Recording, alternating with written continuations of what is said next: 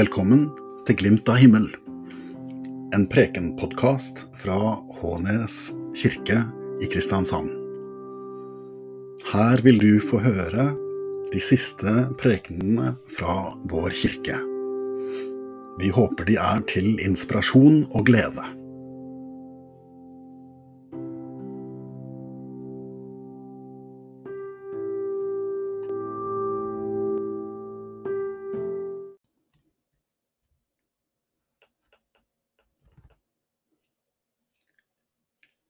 Jesu lidelseshistorie er smertefull. Det er smertefullt bare å høre den. Og jeg kan ikke la være å spørre, var dette egentlig nødvendig? Måtte det skje på denne grusomme måten? Kunne ikke Gud ha reddet verden på en, på en annen måte? Alt er jo mulig for Gud.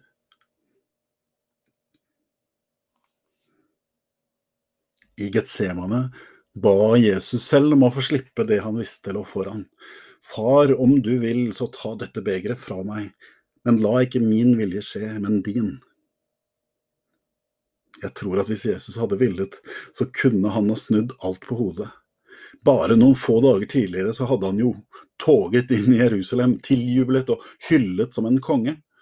Og de som da forsøkte å motarbeide han, måtte oppgitt innrømme at ingenting nyttet for all verden løper etter han, sa de. Bare noen dager tidligere hadde alt ligget til rette for Jesu kroning og maktovertagelse i Jerusalem, hvis Jesus hadde villet. Utfallet kunne ha vært et helt annet hvis Jesus hadde villet. Men Jesus ville ikke. Han ville ikke ta makten, eller endre utfallet av det han visste lå foran. Han gikk inn i det frivillig med åpne øyne. Frivillig lot han seg ta til fange.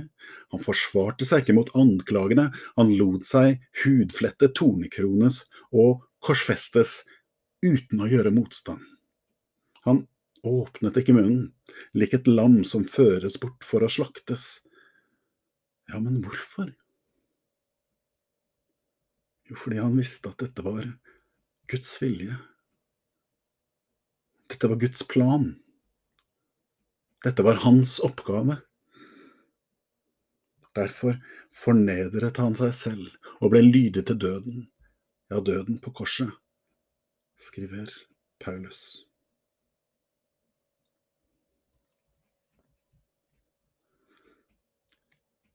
For disiplene var det umulig å forstå dette denne dagen. De var bare dypt fortvilet og skrekkslagne og livredde, sånn som Peter.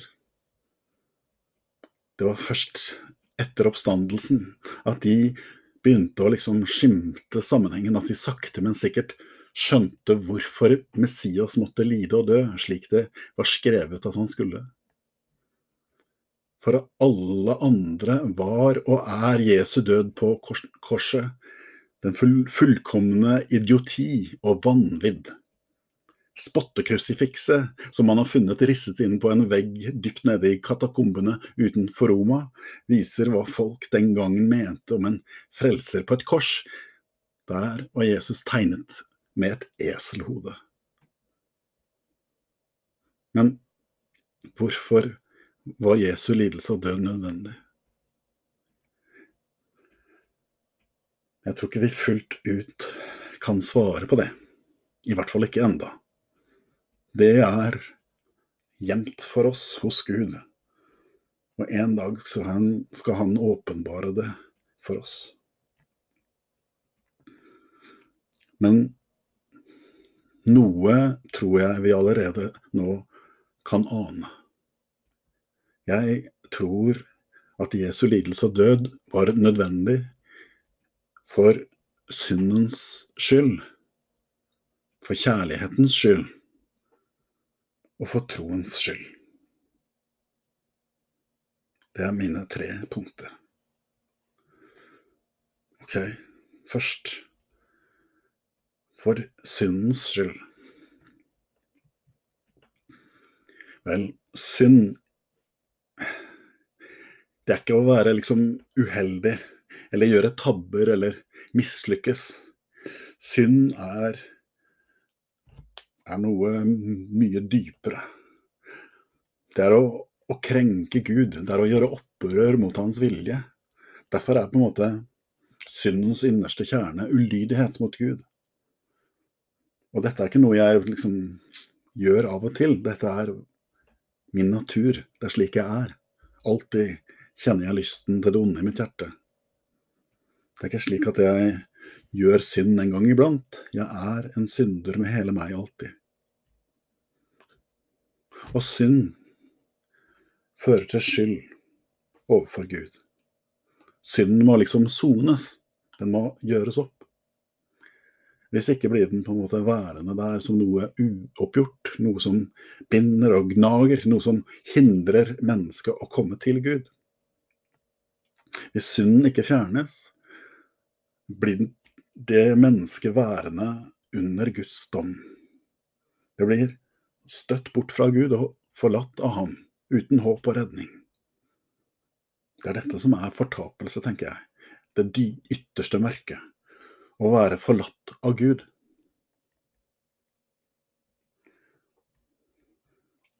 På korset tok Jesus synderens plass. Min plass, din plass. Han, der tok han oppgjøret med Gud og sonet alle våre synder. Han er som en skinnende lynavleder som leder Guds lynende dom over min ulydighet, bort fra meg og inn i seg.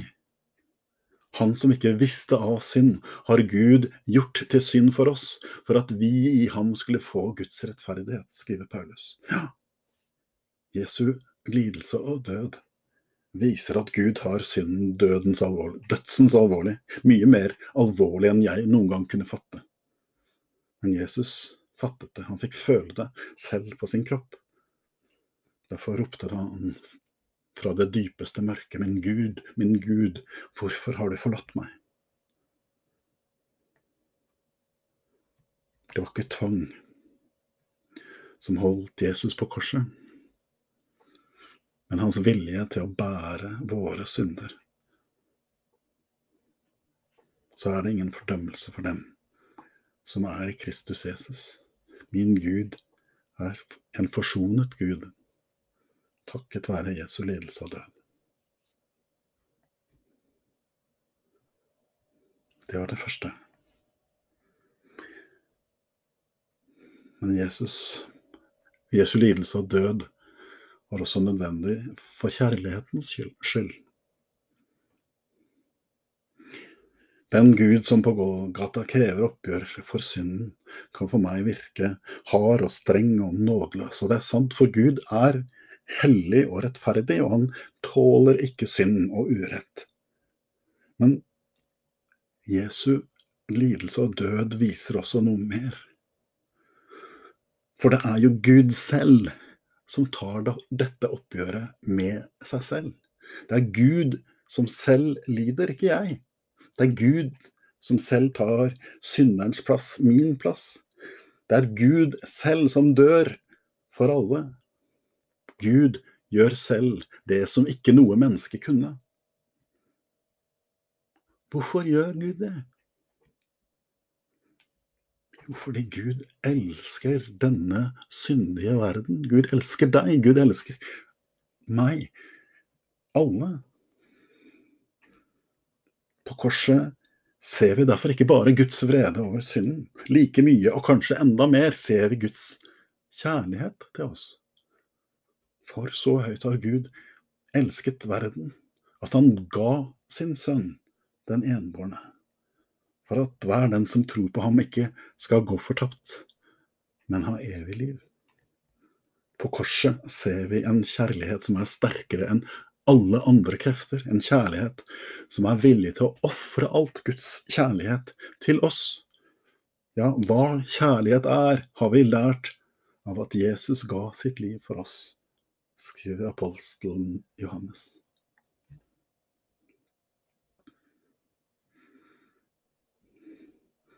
så er altså korset Guds store redningsaksjon for alle mennesker.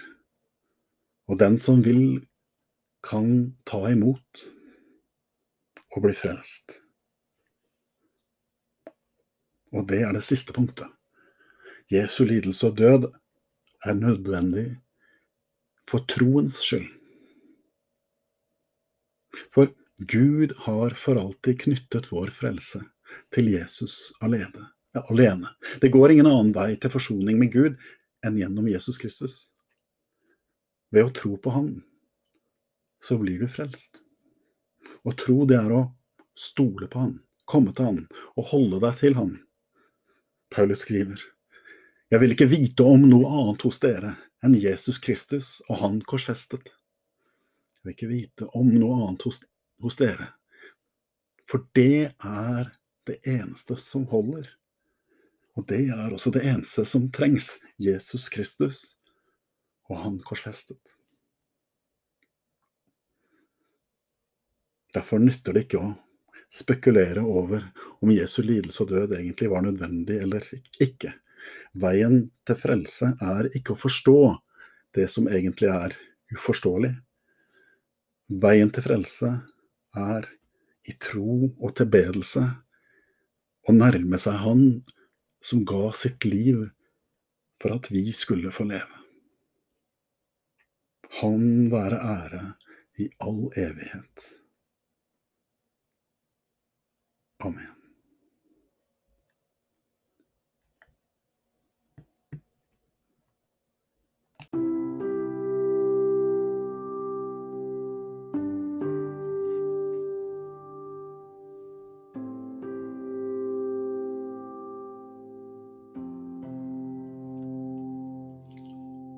Herren velsigne deg og bevare deg. Herren la sitt ansikt lyse over deg og være deg nådig. Herren løfte sitt åsyn på deg og gi deg fred. Amen.